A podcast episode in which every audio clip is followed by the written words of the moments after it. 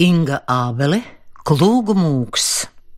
Iestudējums Klūgu mūks ir neatkarīgās producentu biedrības esto veidots literārais lasījums ceļā uz Latvijas valsts simtgadi. Lasījuma autori Anta Rugāte un Juris Kalniņš.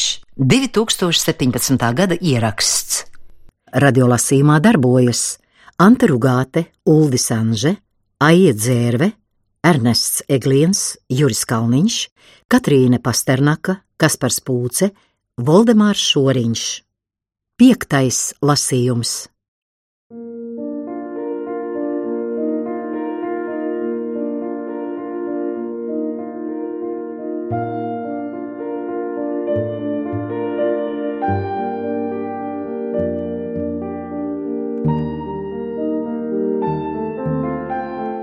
1875. gada karstā jūlija pēcpusdienā gara aizjūgu virtene tuvojās Trepenhofas stacijai aiz Leivona. Pirmajā aizjūgā sviedrus no apaļā vaiga gandarīti slaucīdams šūpojās baznīcas kungs Dominikus. Izskatījās, ka vairs nekas nespēja traucēt viņa plānam sarunāt no Vitebskiešu pagastiem un solām iespējami daudz skolēnu un sūtīt tos uz Jelgavu studēt. Paši skolēni paguruši sēdēja ratos, ko vadīja viņu tēvi. Tur bija ap 12 pajūgu. Pirmie Latvijas studenti, Latvijas cerība un nākotne. Starp šiem cerību pilnajiem, acis spilgtajā dienvidu saulē mirkšķinot, galvas šūpoja arī Francis un Jēzus Sebaldi. Pats Stanslavs bija izkāpis no ratiem, kuros bija sakrauti smagi miltu maisi, žāvēti cūku sānis, viesta kubli un medaunieki, un gāja līdzās, lai pūtinātu nosvīdušo risaku. Stečes sils, kam viņa malās cauri, bija gana labs puikām, kas tūlīt izklīda lasīdami ogas un sēnes, bet ratu riteņi līdz malām grieza smiltis un zirga vilka alsādami. Lai gan Dominikus bija aizcelts prom uz varakļāniem par vikāru, Viņš neaizmirsa savu draudzību ar Tanslovu. Ja ilgāku laiku nebija tikušies, kaut kā pietrūka. Stāstītājiem klausītāja, klausītājiem stāstītāja. Kad Īvai piedzima Konstantīns, Tanslovs lūdza Dominikusu par krustēvu, un tas neatteica.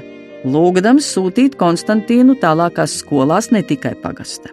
Bet tā kā brālītis bija pārāk jauns, laimīgais liktenis krita uz diviem citiem - Franci un Jezupu. Baznīcas kungs Dominikus ideju par Jelgavas skolu bija izlolojis kopā ar divām pirmajām latgaļu tautskolotājām - veco Sofiju Prentnieci, jeb Prentnieku zoli, kā viņu sauca vietējie, un jauno Helēnu Orenieti, jeb Geli Orenieti. Abas, būdamas inflantu patricietes, no labām dzimtām, agri bija tikušas pie izglītības. Zole bija dzimusi pie Bikavas kunigaišiem Benislavskiem, kas tika daudzināti par to, ka pirmie sāka izglītot zemnieku bērnus. Mužniece Helēna Benislavska bija vilkusi smiltīs vai uz aprasojušām logu rūtīm zolē priekšā pirmās burtu zīmes. Zemnieku vietā rakstīdama lūgumrakstus un kārtodama darīšanas valsts iestādēs, Zoli drīz iemantojusi zemnieku un arī kungu atzinību kad Strūžānu un Bikavas kungi kopā ar baznīcas kungu atvēruši pirmo pastāvīgo skolu latviešu zemnieku bērniem Inflantijā, par skolotāju tajā bija sagatavota jaunā latviete Prentnieku zole. Otra Dominikusa un Benislavsku domu biedra izglītības jautājumos Helēna Oreniete apprecējusies ar zemnieku lietaunieku un jaunos gados piedzīvoja personisku traģēdiju. Nomira viņas karsti mīļotais vīrs, un viņa palika viena ar divām meitiņām. Tad arī iesākās viņas tautskolotājas ceļš. Atminējusies savas gaišās dzimtas praksi, mācīdama savas meitas, viņa uzsāka mācīt arī citus bērnus. Krājot latgulas latviešu valodā drukātās grāmatas, viņa izveidoja mājās plašu bibliotēku, kurā bija rodamas arī pašas pirmās latgaļu gramatikas. Arī tad, kad Krievu varas iestādes aizliedz latviešiem katoļiem būt par tautskolotājiem, Zole un Geli no sava darba neatteicās. Nezinu, vai tas ir pareizi darīts, ka tieši uz Jālgavu puikas jāsūta. Mums tā ir tāla, nezināma vieta, kur skolā bērnus māca tikai vācu valodā. Tieši tāpēc, lai iemācās, Jālgavas vidusskolām Krievijā ir ļoti laba slava. Dominikus bija pārliecināts, ka kucēni, ko iemet ūdenī, ātrāk iemācās peldēt. Akadēmija Petrīna viņam neredzēt kā savas ausis. Priekš tā visa viņi vēl ir pārāk jauni. Šķiroties, Tanslavs iedeva katram dēlam vienu sudobra rubuli, paplūca aiz ausīm un pieteica dzīvot prātīgi. Viņš grieza aizjūgu uz māju pusi, slēpdams stāvu rūpju rievu pierē. Baznīcas kungs pavadīja zēnus līdz pašai Jelgavai. Dominikus bija nolēmis, ka mācības Jelgavā izmaksās lētāk, ja zēni dzīvos kopīgā īrētā dzīvoklī Vācu pansijā. Tēvi sameta naudu un savu daļu produktu, tika nolīgta virēja, apaļīga poļu atraitne, kurai visur līdzi staigāja melns, gludspalvas suns. Tas allaž slēpās virtuvē, galdpalaga ēnā un klupu virsū puikām, ja tie gribēja pazakties no pieliekamā kambara starp ēdienreizēm. Suņa dēļ attiecības ar atraitni ar vien bija mazliet saspringtas. Viņa dzīvoja kopā ar zēniem turpat dzīvoklī, mazā meitistabiņā, un viņai bija slikts miegs, tāpēc viņa lūdza puikas, aizejot un pārnākot, tik stipri nerībināt ar zābakiem. Protama lieta, ka zēni, kam nesen nopirkti pirmie zābaki mūžā, nespēja ar tiem nerībināt. Pie kopgalda visi centās būt jautri un asprātīgi, bet koste bija švaka. Kaut kur pazuda un izkusa tēvu doties peķi, ūdens zupās peldēja tikai reta taukatstiņa, un Francis ar Jēzupu atminēdamies par parādiem, kas spieda mājiniekus, nespēja saprast, kā citi puikas varēja iet un pirkt sev pa kapeiku kliņģeri un ābolus bet kāda var būt mācīšanās, ja vāveres danco pa vēderu? Vēlāk zēni mainīja apmešanās vietu. Sebaldi kādu laiku sabija pie baltiešu mūrnieku meistara krūmiņtēva. Vakaros mūrnieku meistars lūdza Franci palasīt priekšā un sniedza grāmatu. Tā Francis iemācījās baltiešu latviešu valodu. Literatūra gan bija tāda šaubīga, nevisai augstas raudzes, Krūmiņš lika lasīt priekšā Marino Marinelli vai Izabelu Skaisto. Vai nu aiz pateicības par lasīšanu, vai vienkārši kompānijas pēc, Krūmiņš pāris reižu aizveda puikas vakaros līdzi uz kneipi. Tirgus laukumā netālu no pilsētvaldes nama bija alus dārzs, kur vakaros gāja karsti. Krūmiņš turp brauca kopā ar saviem amata brāļiem Kališā, ar diviem priekšā aizjūgtiem spīdīgiem meļņiem Inflantu puikām tas šķita sapnis. Alus dārza aizskara bija nolaista līdz zemei, dārzā stāvēja krēsli un galds. Tur apkalpoja meitieši kā ķelnerienes. Krūmiņtēvam patika dažai labai no tām iekniep dibenā. Viena no meitenēm ar dziļu krūšu izgriezumu apsēdās Jēzupam klēpī un aplika tam roku ap kaklu. Jēzups sastinga, tas viņam likās šausmīgi, Francis pielēca kājās un metās uz izēju. Francis turpmāk vairs nebrauca līdzi uz alus dārzu. Viņi auga kā putni, bez uzraudzītājiem un vadīšanas. Inflantiešu zēnu pamati Jelgavā bija skola un ticība, ko vecāki bija ierādījuši mājās. Notika tā, kā Tanslovs bija pareģojis. Baznīcas kunga Dominikusa nodoms atdot puikas kurzemes pēdējā hercoga Pētera nodibinātajā kādreizējā akadēmijā Petrīna, Jelgavas ģimnāzijā, sabruka vācu valodas dēļ. Daļa latgaliešu skolēnu pirms tam gan iestājās sagatavošanas klasē pie Zēvalda, privātā proģimnāzijā, bet Sebaldu zēni kopā ar vēl dažiem draugiem gāja privātkursos katoļu baznīcas skolā pie mācītāja nedēļas. Mācīšanās iesākās bez kādas sistēmas un saprašanas. Viņiem pašiem nebija nekādas jēgas, ko viņi grib un ko viņi var sev gribēt, ko vēlēties. Gimnāzijas eksāmenos viņi izkrita cauri, jo bija pārāk vāji gan vācu, gan latīņu valodā. Arī Francis dabūja vācu valodā sliktu numuru. Tā nu viņi visi salasījās Jālgavas apriņķa skolā, ko vēlāk, kad Francis jau bija 4. klasē, pārvērta par Jālgavas reālskolu. Jelgavas starptautiskais labvēlīgais noskaņojums apņēma kā silts gaiss. Kādi tik studenti nebija sastopami pansijā? Baltijas latvieši, vācieši, pūļi, žīdi, lietuvieši, krievi. Pūļi visur uzsvērti runāja tikai un vienīgi pūļu valodā, tikai latgaliešus vēl līdz šim neviens nebija redzējis. Tā jautāti par tautību, drošs paliek drošs, latgaļi atbildēja, ka ir katoļi un cauri. Lai neiedzen svešā baznīcā un nenokrista krievu ticībā. Reāla skolā latgaļu zēna pulciņš sāka dilt. Gandrīz katram otrajam tēvs iekrita parādos un bija spiests dēlu no skolas izņemt. Arī Sebaldu Tanslovs, kurš bija nopircis no sava brāļa joņa 40 desetīnu zemes, un caur to, un arī caur neizdevīgu malkas izvešanas uzņēmumu iekritis parādos, bija spiests izņemt no skolas Franča vecāko brāli Jezupu. Jezups uzzinājis par šo lēmumu sadrūma. Šķiršanās dienā viņš nespēja Francim sniegt roku, tik satriekts un izmisis bija viņa prāts. Mācīties patika abiem, bet gaišāka galva bija Francim. Lai gan Jēzus skolu atstāja, Francim ar to daudz netika līdzēts.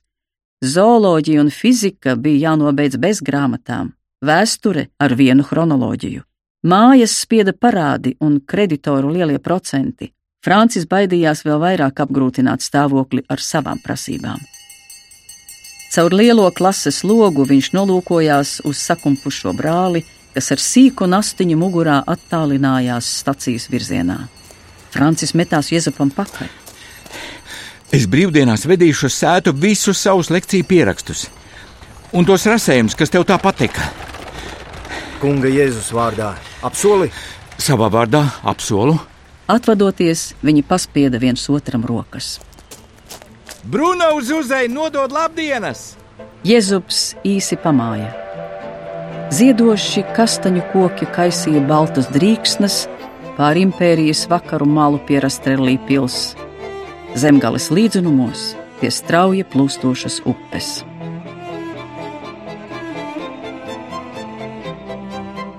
Metās jau krēsla, kad iezups sajūdza.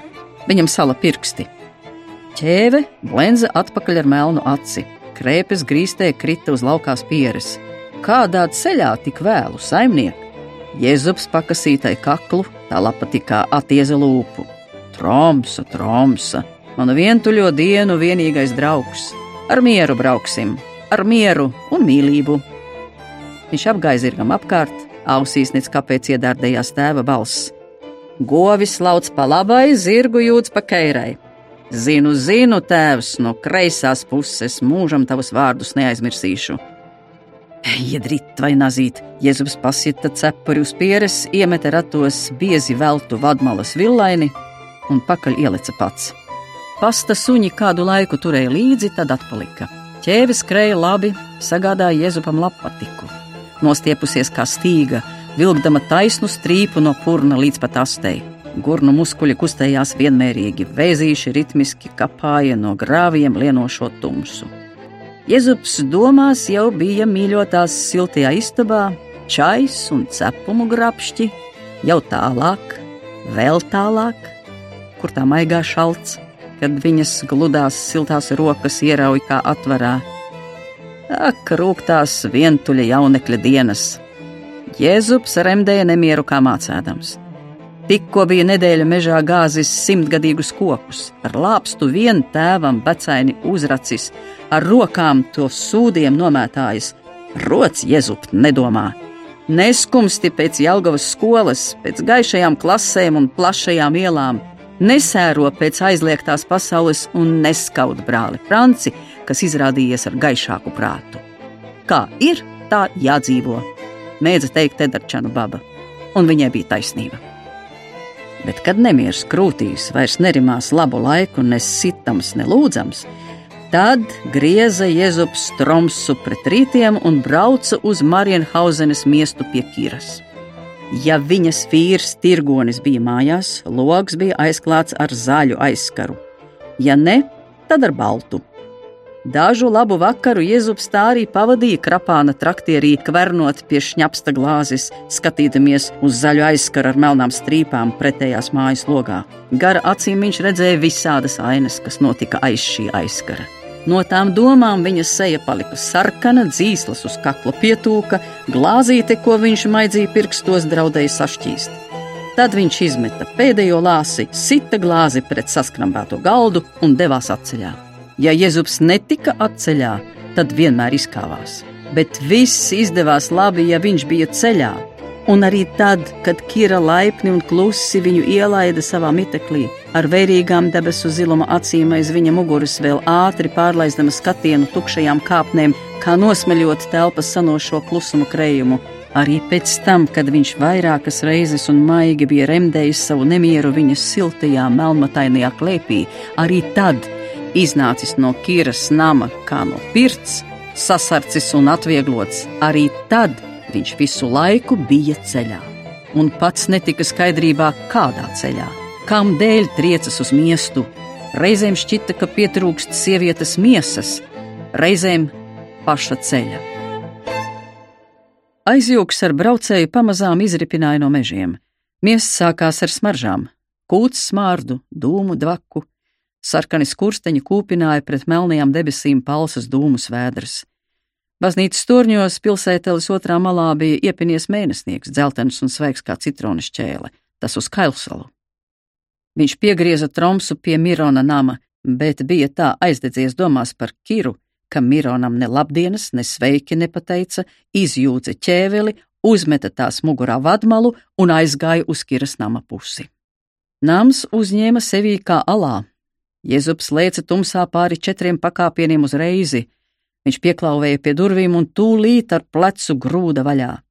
Nāsīs iesitās sievietes smarža, jēla kā zeme, kad to pavasarī ar.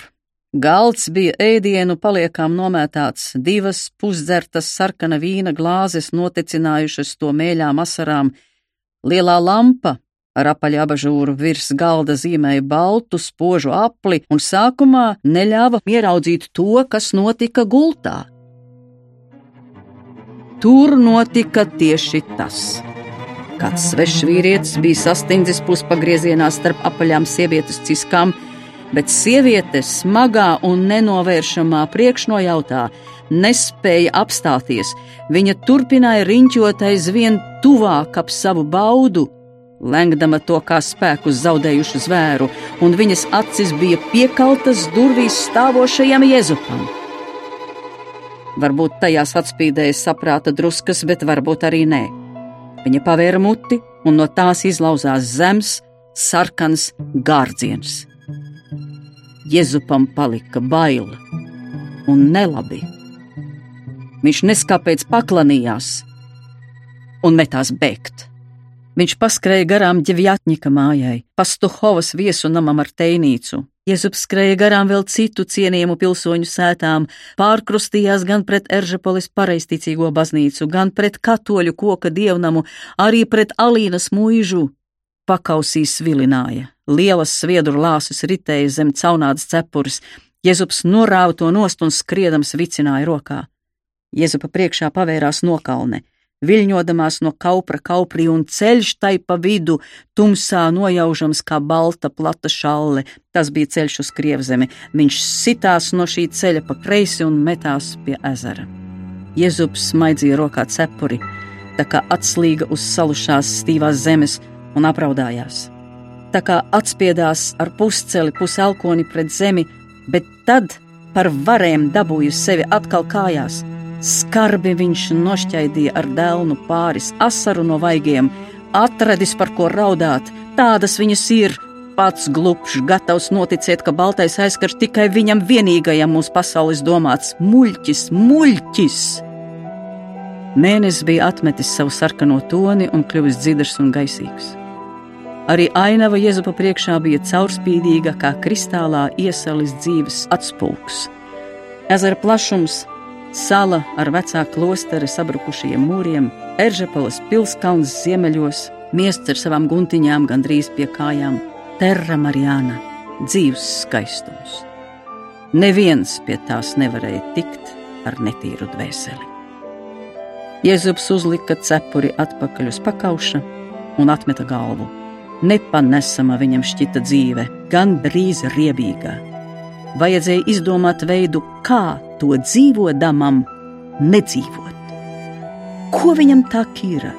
Nu, tad tā liela mūža. Kīra ir sātans brunčos. Turpmāk viņš vairāk par debesīm domās. Un, ja būs viņam sieviete, tad pašam sava, tāda kā viņa māte Īva no kuras mutes plūsta rozmarīna smarža, bet no drēbēm vaivariņu spirktums. Tāda kā debesis, vai arī nebūs nevienas. Nomierinājies, dzidrinājies, Jēzus lēni pagriezās uz māju pusi. Iedams garām katoļu baznīcai atkal pārkrustījās. Tā ir viņš mūžam godu dos, bet pasaulīgām lietām gana laipnības izrādīts. Jēzus sāka iet lieliem soļiem, visbeidzot gandrīz skrēja. Viņš iegāja Mirona sētā un atvieglots tumsā ieraudzīja savus ratus ar augšup saslietiem ilūkšiem. Pašā dubļu peļķē, kur ir ķēve? Tromsas nav! Jēzus ieskrēja ap stūri klāvā. Tur sīku rūšu atblāzmā viņš saskatīja plašu ar sienu klātu kulu, kurā klīda pāri steļu, govis un vistas. Zirga tur nebija. Nelabu nojausmu pārņemts, viņš mazliet tālāk cauri nokvēpušām zemām durtiņām iemitās Rijai līdzīgā istabā. Jēzus ieraudzīja istabas vidū Mironu ar dēliem sēžam pie galda. Visi skatījās uz viņu kā uz parādību. Jēzupu sagrāba nepatīkama nomaņa, kas liedza prasīt kaut ko tieši. Jēzus jau zināja, ka pazaudējis zirgu.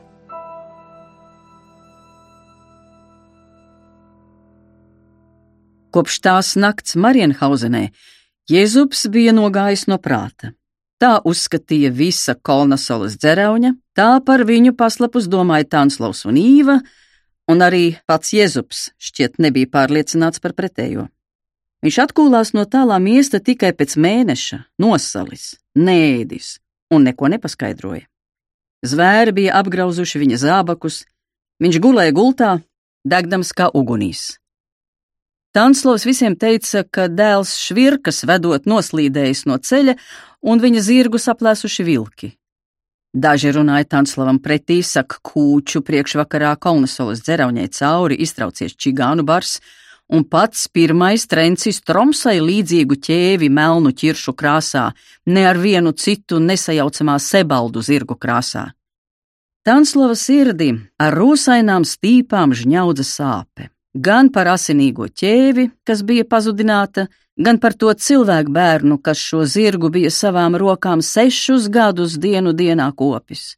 Jēzus bija Tanslava sirdī vistuvākais dēls. Ik reizi, kaut vai izsānis ieraugot dēla bālo vaigu caur nosarojušo loga rūti, viņš gluži instinktīvi metās uz svēto kaktu klanīties un dedzīgi krustīties tādai pašai bālai sejai ar tumšām acīm, Jēzus obrazā. Jēzupa seja pret pavasari arvien vairāk izdila un apauga ar bārzdas vainagu, līdz cilvēks no svētbildes vairs nebija šķirams. Tanslavs sāka cītīgāk apmeklēt ciskodu baznīciņu un vairāk locīts ceļus Jumpravas Marijas altāra priekšā. Viņš lūdzās par dēla veselību nomodā un pat sapņos. To darot, viņš pēkšņi aptvēra, ka Jēzupa zaudējums nav Jēzupa paša, bet vairāk Tanslava vai pat visas sebaldu cilts nelaime. Jēzuba slimībā ieraudzījis apdraudējumu cilts pašlepnumam, Tanslavs beidzot saprata, ko īsti nozīmē spovets. Līdz šim viņam nebija ko nožēlot, un viņš bija stāvējis taisnus un ciets kā ozols. Tagad, satrūcies par savu augstprātību, viņš sūdzēja grēkus pa īstam Labi, ka Dominikus nu jau labu laiku bija aizcelts uz varakļānu draugu, bet viņa vietā uz ciskodiem atsūtīts pūļu prāvests. Dominikusam Tanslavs nevarētu tik atklāti čukstēt ausī visu to, ko viņš izstāstīja jaunajam baznīckungam. Skaidri zinādams, ka līdz pūļa saprašanai nonāk tikai latgaļu valodas melodija, bet saturs paliek dievam. Un tā sācis ar vainas sajūtu pret Jezupu, Tānslavs sāka šķetināt savu grēku pavadienu, un pats bija pārsteigts, kāda netīrumu straume tur gāzās no krietnās un taisnās sirds, kā rupuči no rožu dārza. Tanslavs atklāja, ka vienā cilvēkā ir veselas trīs dabas - viena, kas nolemj, otra, kas apstrīd, trešā, kas teica, kā būtu pareizi pēc ļaužu prāta.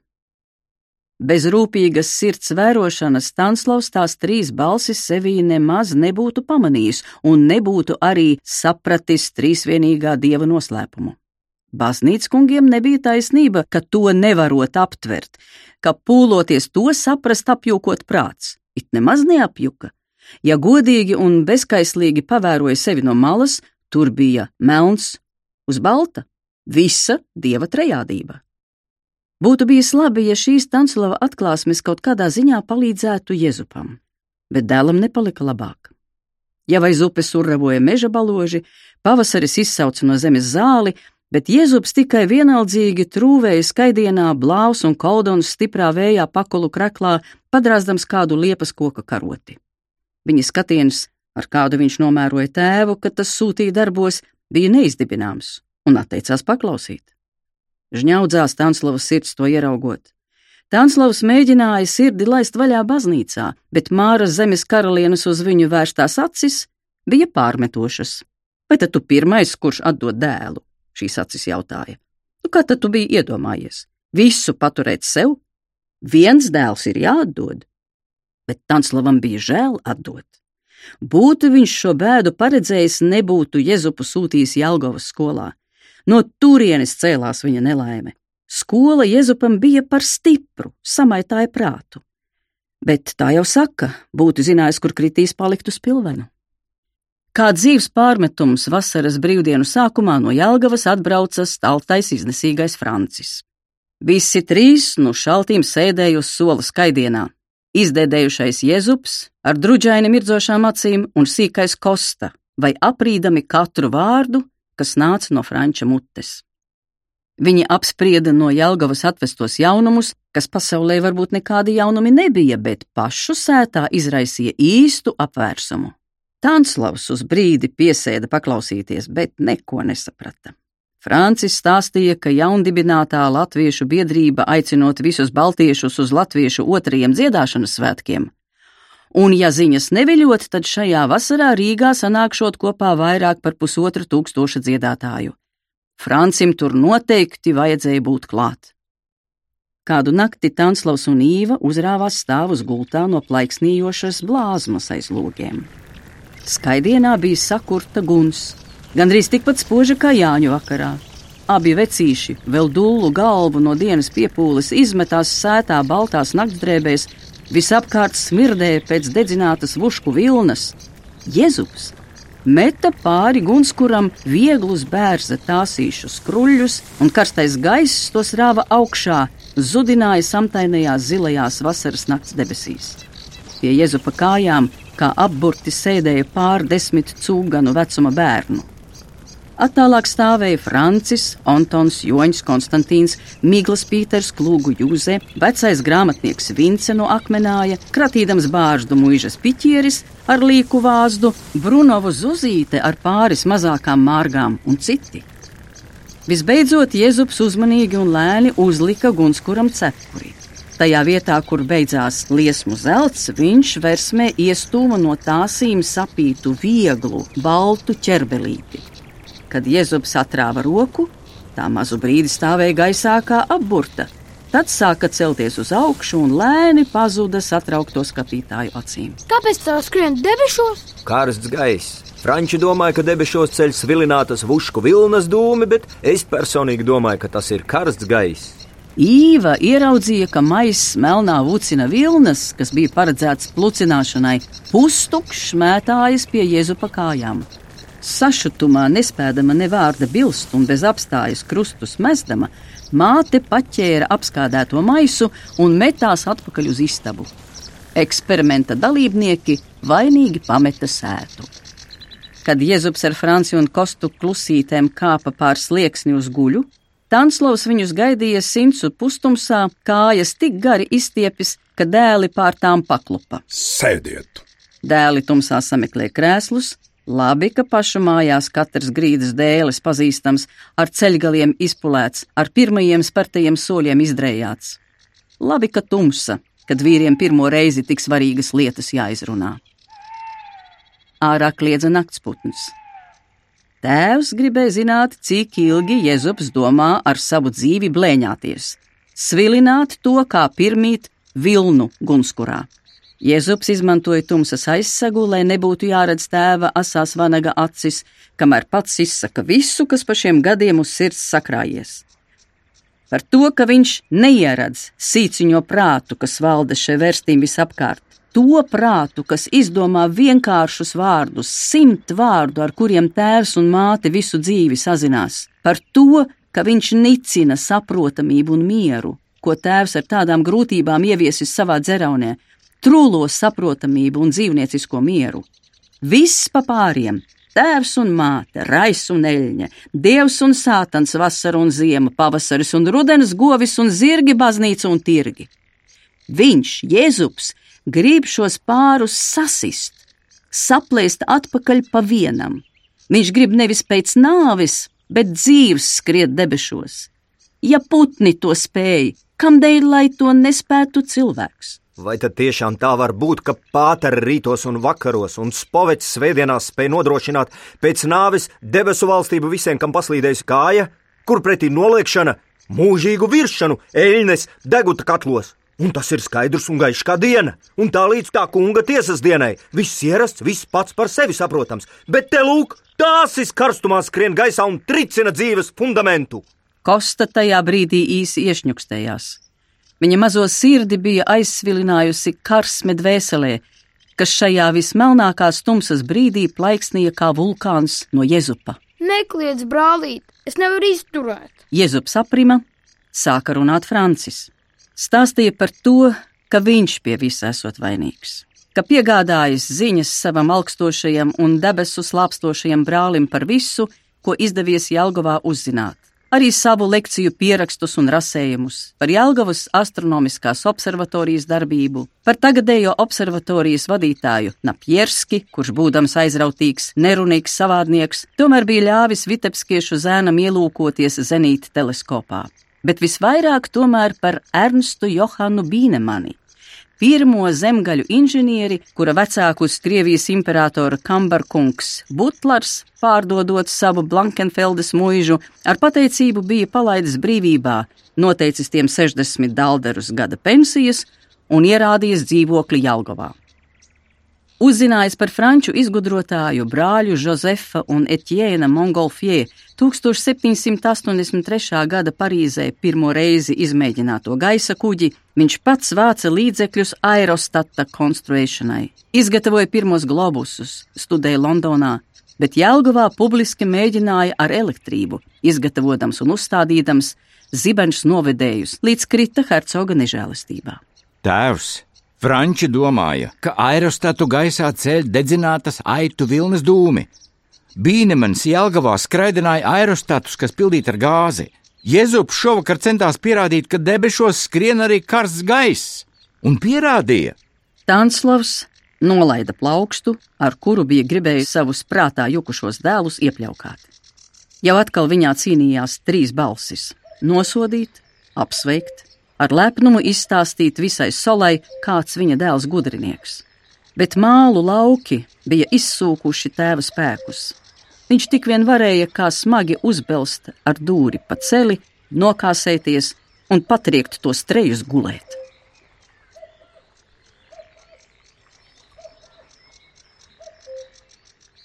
Jo sliktāk, jo labāk. Īva šo ķīniešu tautas gudrību implantijas viducī, protams, nevarēja būt dzirdējusi, taču ko līdzīgu nojauta gan. Kā Tanslavs raizējās par Jēzupu, tā viņa klusībā uztraucās par Franci.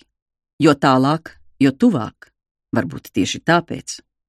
Jau bērnībā Edarčanu babas atšķirts Francis viņai bija tāls un ilgots dēls. Cik tad ilgi viņi pēc babas nāves kopā sabija? Pāris gadu tad atkal augstās skolās Jelgavā, un bez tam Francis pēc izskata bija izlietas mātes dēls, līdzīgākais no visiem septiņiem. Īva karsti mīļoja Franci un attiecināja uz viņu savas slēptākās cerības, tāpēc Franča izdarības lika viņai raizēties, vai tikai augstā svešā ļutaru pasauli nesamaitās dēlu. Jelgavas reālskola bija pabeigta, vajadzēja domāt par tālāku studēšanu. Tānslavs pret puiku zinību eksperimentiem izturējās iecietīgi. Īva tā nedomāja. Nogaidījusi, kad Francis ir viens pats, viņa uzsāka sarunu. Un ko tad Jelgovas baznīcas kungi par to visu saka? Nav viņam tur nekādu baznīcas kungu. Vienkārši dzīvo. Sauc sev dažādi par evaņģēlīju luteriem, baptistiem, par brāļiem.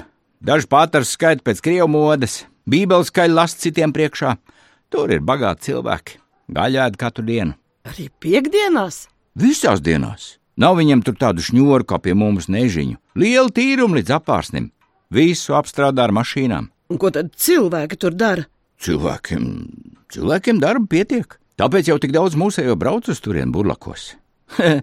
Viņi sauc mūsējos par leišiem vai pūlīšiem. Vai tad viņiem savu bērnu nav, ka mūsējiem jāstrādā? Uh, Viens vai divi bērni, tas viņiem augstākais. Varbūt tāpēc tur viss cits tik daudz, ka bērnu maz. Vai tad Dievs viņiem tāpat nedod bērnus kā mums? Un, ja dod, tad kā viņi tos dievam atsaka? Satraukusies, Īva vakarā runāja ar Tanslavu. Uzvilka pusvilnes sēgu līdz zodam, tā ka acis vien spīdēja gasnīga gaismā, un teica: Skat, kā Frančs pārvērties, pazīt nevar. Labāk, lai iet uz piceri studierēt, nevis pie ļutariem. Vismaz dvēseli dzīve paliks. Tānslovs sēdēja uz gultas malas un atcerējās skatu caur atvērtajām durvīm uz pagalma smilktīm, virs kurām dienā virmoja sasilis gaiss. Recēžu putekļu mākuli pa priekšu bīdīdami, no tīruma sētā pārnāca joņš un donats. Viņu saules nokveldētie kapar sarkanie skausti spīdēja tāpat kā zirgu sviedrainie spēcīgie kakli. Oņta un Ignāts bija aprecējušies, atšķīruši savas dzīves un zemes šņoris no tēva laukiem, sabūvējuši staltus kormus apkārt tēva namam. Antons Ignatam pašlaik palīdzēja akmeņus šķelt lielam mūrētam klāvam. Tie trīs čalotāji tur skaidienā bija vecākajiem dēliem pilnīgi pretēji. Vienas vasaras putni, pelavas, putekšņi. No tiem zemes arāja nebūs. Tas uzreiz redzams. Tu tānslau vienmēr ar savu bārgu un baidu kā nelaiks. Es pati runāšu ar Franci. Tā nu viņš tev klausīs. Kaut ko izdomāšu.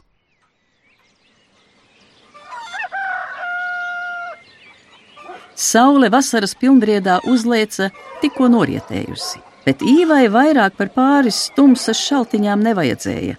Viņa savu domu izdomāja. No rīta, mazā gaismiņā, kad Francis vēl gulēja klētiņā uz siena panta, māte jau sēdēja blakus, sirmo bizi pīdama, atpīdama. Francis atvēra acis un uzreiz noprata, ka mātei kaut kas svarīgs sakāms. Uh, uh, kur tu tik agri? Man par tevi nav mierīga sirds dēls. Kāpēc?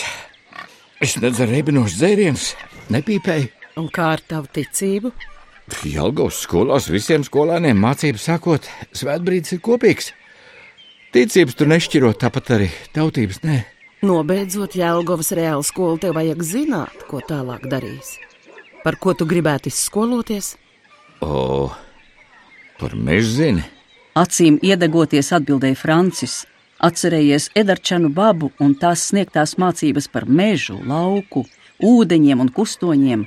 Un uh, ko tu biji domājusi? Es gribētu, Frančs, ka tu ietu par baznīcu kungu. Kamdēļ tā? Ja es atdotu tevi viņam, tad Dievs manus grēkus piedotu. Tavus grēkus? Tev māt nav nekādu grēku. Nav cilvēka bez grēka. Neba es, ne arī tu. Redzu jau tev lepnības kārus, nelaidu puvumu tālāk dvēselē, kopš tu piedzimi. Caur tās debesu gaspažas Marijas ausīm ar vienu esmu lūgusi Dievam Tēvam, lai mans dēls dienās tiktu ieskaitīts priesteru kārtā, lai viņš kļūtu par cilvēku dvēseli ganu un glābēju. Ja tas tā piepildīsies, caur to nāks gods un slava visai mūsu ciltī. Rīkojies, kā tu zini. Es uz tevi nekādu spiedienu neizdaru. Īva norausās no siena panta un aizsteidzās uz klāvu, kur viņu maurodams un kviegdams gaidīja padoto bars. Francis labu laiku palika guļot un prātoja par skolu. Tad cēlās un, pašķirot miglas palagus, gāja pie akas mazgāties. Laiks gāja, bet mātes doma par Pēterpils garīgo semināru ar vien ciešāk iesēdās Franča prātā, kā kad būtu viņa paša. Viņš gribēja par to runāt ar Zuzi, savu labāko un uzticamāko draugu. Viņa bija gudra mārga. Ja atbalstīs šo domu, tad Francis tā arī rīkosies. Pienāca Jāņu vakars. Francis Birstelas malā rīkojās ar cirvi, kad divas šauras plaukstas aizspieda viņa acis. Zuzīt! Viņš sauca, saķerdams viņas rokas aiz tievajām locītavām. Sazina, kā tas sanāca, ka rokas neatlaižot, viņa atvijās taisni un stāvēja jau viens otram pretī. Ar zūzi iespējams bija gluži viss. Šmauga un lokana viņa bija kā no citas pasaules, izņēmums tūlīgo zemnieku meitu vidū. Tās prata tikai lūgties un strādāt, uzvilkušas skustus uz acīm un brēkt kā aitas, ja tam kāds puisis nejauši piecipa pie sāna. Tad viņas sita skaļus pliķus, kā cūkām runkuļu lapas kapādamas. Zuze prata lūgties un runkuļu lapas kapāt, bet prata arī dziedāt. Zuze prata pliķus sist, bet arī dejot, smieties un vīties. Kur tu tik drūms, smaidi, bet acis nopietnas? Tu ar visu pamani! Drīz man jātaisās prom. Uz kurieni? Uz pizzeri. Māte grasās izzīt no manas lepnību. Gribu, lai es eju par baznīcu kungu.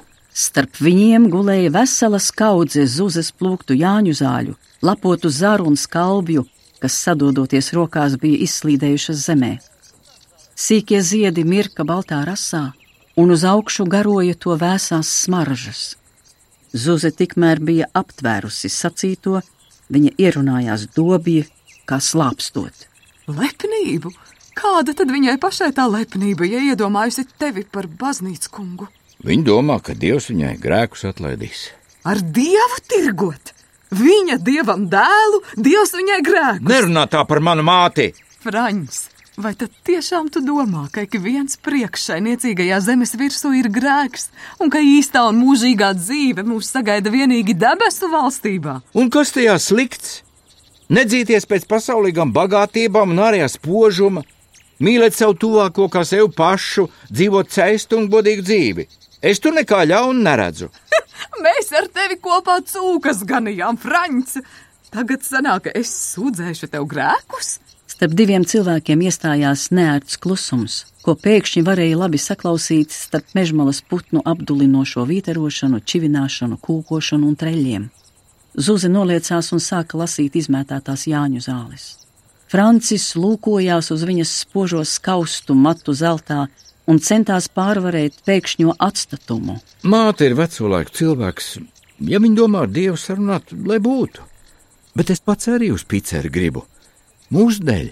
Kuru mūsu? Nu, Vitebskiešu. Ah, mūsu! Es domāju, mūsu. Intlantijas latviešu. Redzību, Nav neviena baznīcas kungs starp mūsējiem, bet kāpēc? Vai mēs sliktāk par pūļiem, par lēšiem? Tu saki, viņa grib, bet vai tu varēsi? Es saku, pakāp dievam soli pretī, viņš tev pakāps divus. Francis mēģināja satvert zuzi atkal aiz plaukstām. Par ko tu dusmojies? Bet viņas lūpas bija nobālušas un spītīgas. Viņa uzmeta Francim savākto klēpi ar jāņu zālēm un aizbēga pāri pļavai. Rasā palika tumša sliede.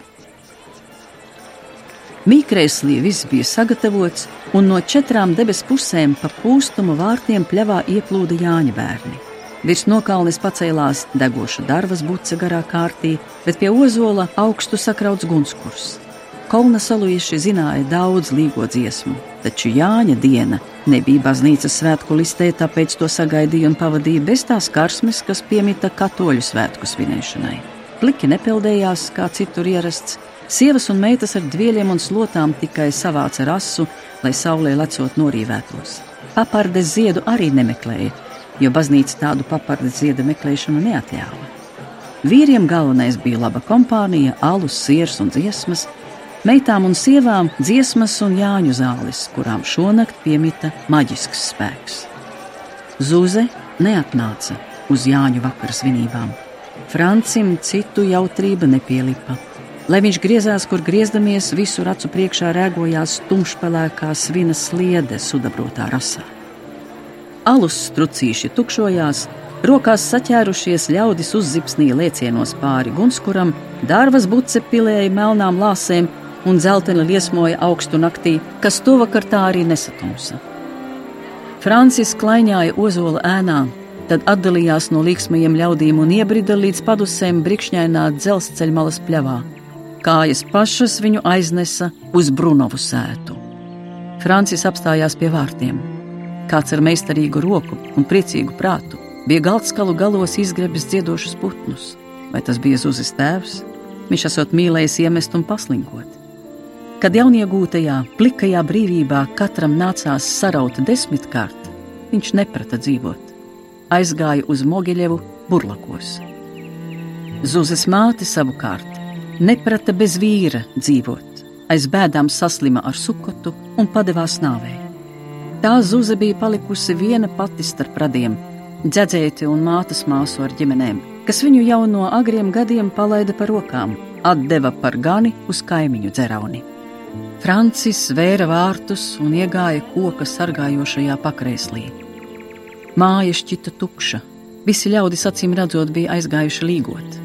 Naktsvējā apkārt šūpojās dārsts, mežonīgi un saldi vasaras pilnbrieda trakumā saziedējās pliederi un jasmīni.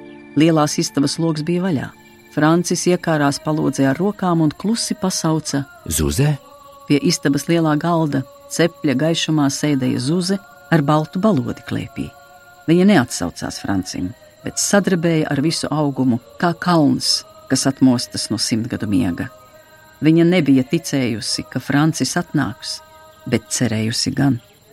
Cauri simtiem, tumsā uzgrūzdamies lietām, Francis iegāja Brunovu istabā. Ceplī pa dienu bija cepta maize. Tas izstaroja siltumu, un lēnas liesmas vēl aizījās ap nesen uzmesto zaru bunti cepļa priekšiņā. Balodis ieraudzījis atnācēju, izbijās un sāka sisties ar spārniem. Zūze viņu noturēja aiz kājām. Kur tu ņēmi balodi?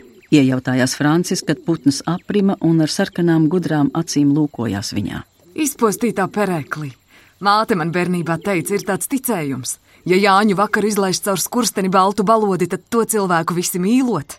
Viņa strauji piecēlās un pagriezās pret cepli. Nevajag, tu viņu apdedzināsi! Zuze izmeta balodi pa logu un noskatījās pakaļ. Nu, kāpēc tu tā uzvedies?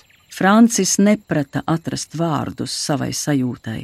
It kā tavs sautīgums mūs abus pazemotu, viņš būtu varējis teikt, bet arī tas nebija precīzi. Ja es gribu augstāk sniegt, vai tiešām tev jāvelk mani atpakaļ? Vai es ko saku? Ej, sniedz! Bet tu raudi! Es tev nevaru aiziet zuze! Visi zina par mums, visa mana dzīve, tad man jālec upē. Man taču nekā cita nav, tikai tu. Tagad Zuze neprata atrast vārdus.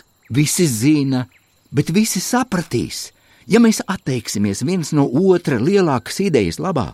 Es gribu daudz darīt dēļ tautas. Francis lūdzās, tad atmeta ar roku. Eh, sieviete paliek sieviete. Domā, ka cits spēks ir stiprāks par garīgo. Tu laikam būtu laimīgi, ja es tagad parādītu gļēvumu un iekristu tavos slazdos. Slazdos? Pavīpsnājusi, viņa sataustīja aiz sijas aitu cērpamās dzirkles, atsita matus no pleciem kā zīda aizkaru un sāka griezt. Gludas un zilgani spīdīgas šķipsnes smagi kā ledus krita uz galda, sadalīdamās vizuļos. Ne dieva aicinājuma dēļ. Tu atsakies visa cita dēļ, augstākas idejas, karsti mīļotas mātes, tautas dēļ. Tas viss ir man nesaprotamā valodā. Kā var mīlēt visus, ja nemīl vienu? Francis mēģināja viņai atņemt dzirkles, bet viņa bija veiklāka, novērsās un iesmējās.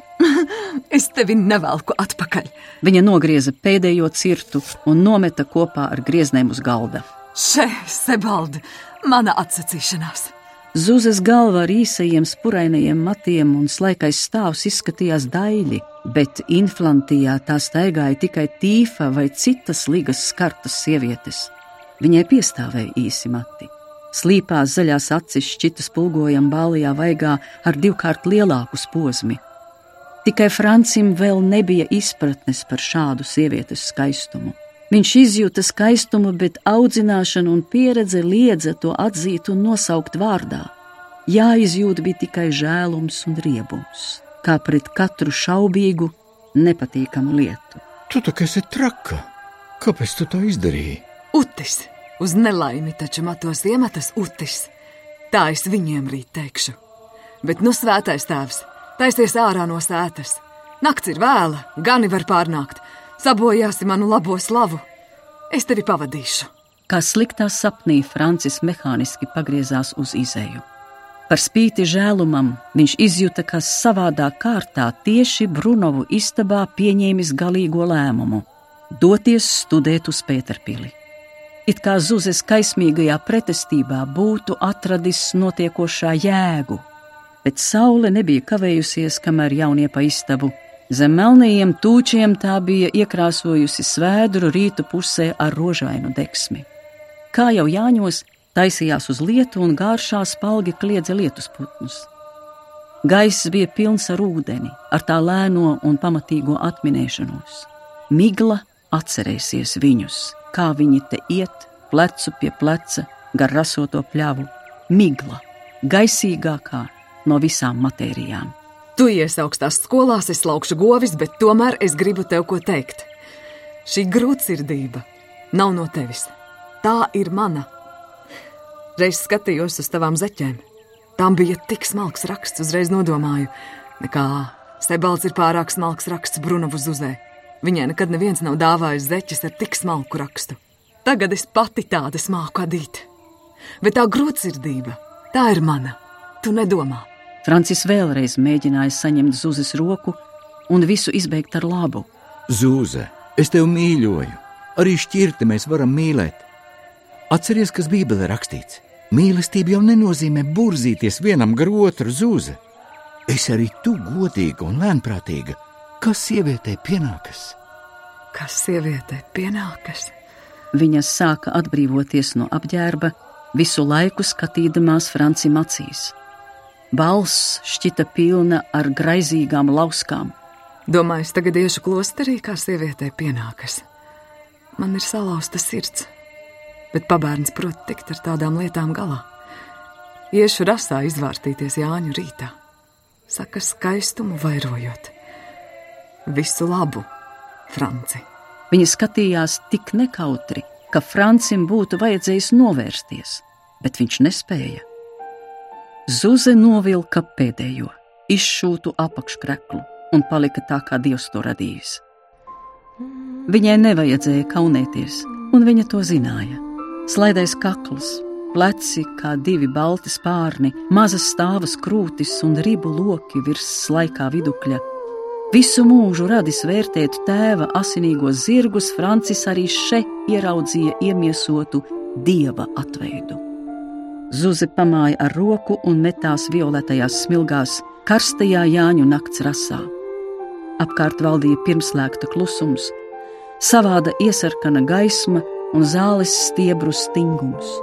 Uz ceļa slapjējās smiltīs, gulēja zuzes drēbes, kā nodīrātas jūtas. Aiz viņas baltā kailā auguma, kas kā lidojoša zivs laiku pa laikam izšāvās virs sudabra rases, palika smaga, pelēka veldre. Francis pagriezās un gāja prom ar vien ātrāk. Tā paša 1883. gada rudenī viņš jau bija uzņemts Pēterpils garīgajā seminārā.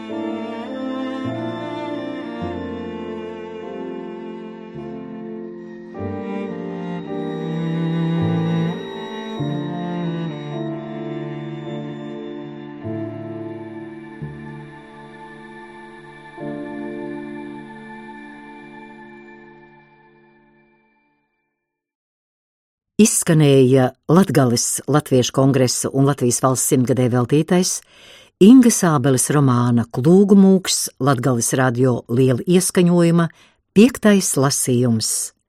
Radio lasījumā darbojās Ante Rugāte, Uldis Anže, Aija Dzērve, Ernests Egliens, Juris Kalniņš, Katrīne Pasternaka, Kaspars Pūce, Voldemārs Šoriņš. Komponists Juris Vaivots, skaņu režisors Andrijs Krenbergs, režisors Juris Kalniņš. 2017. gada ieraksts.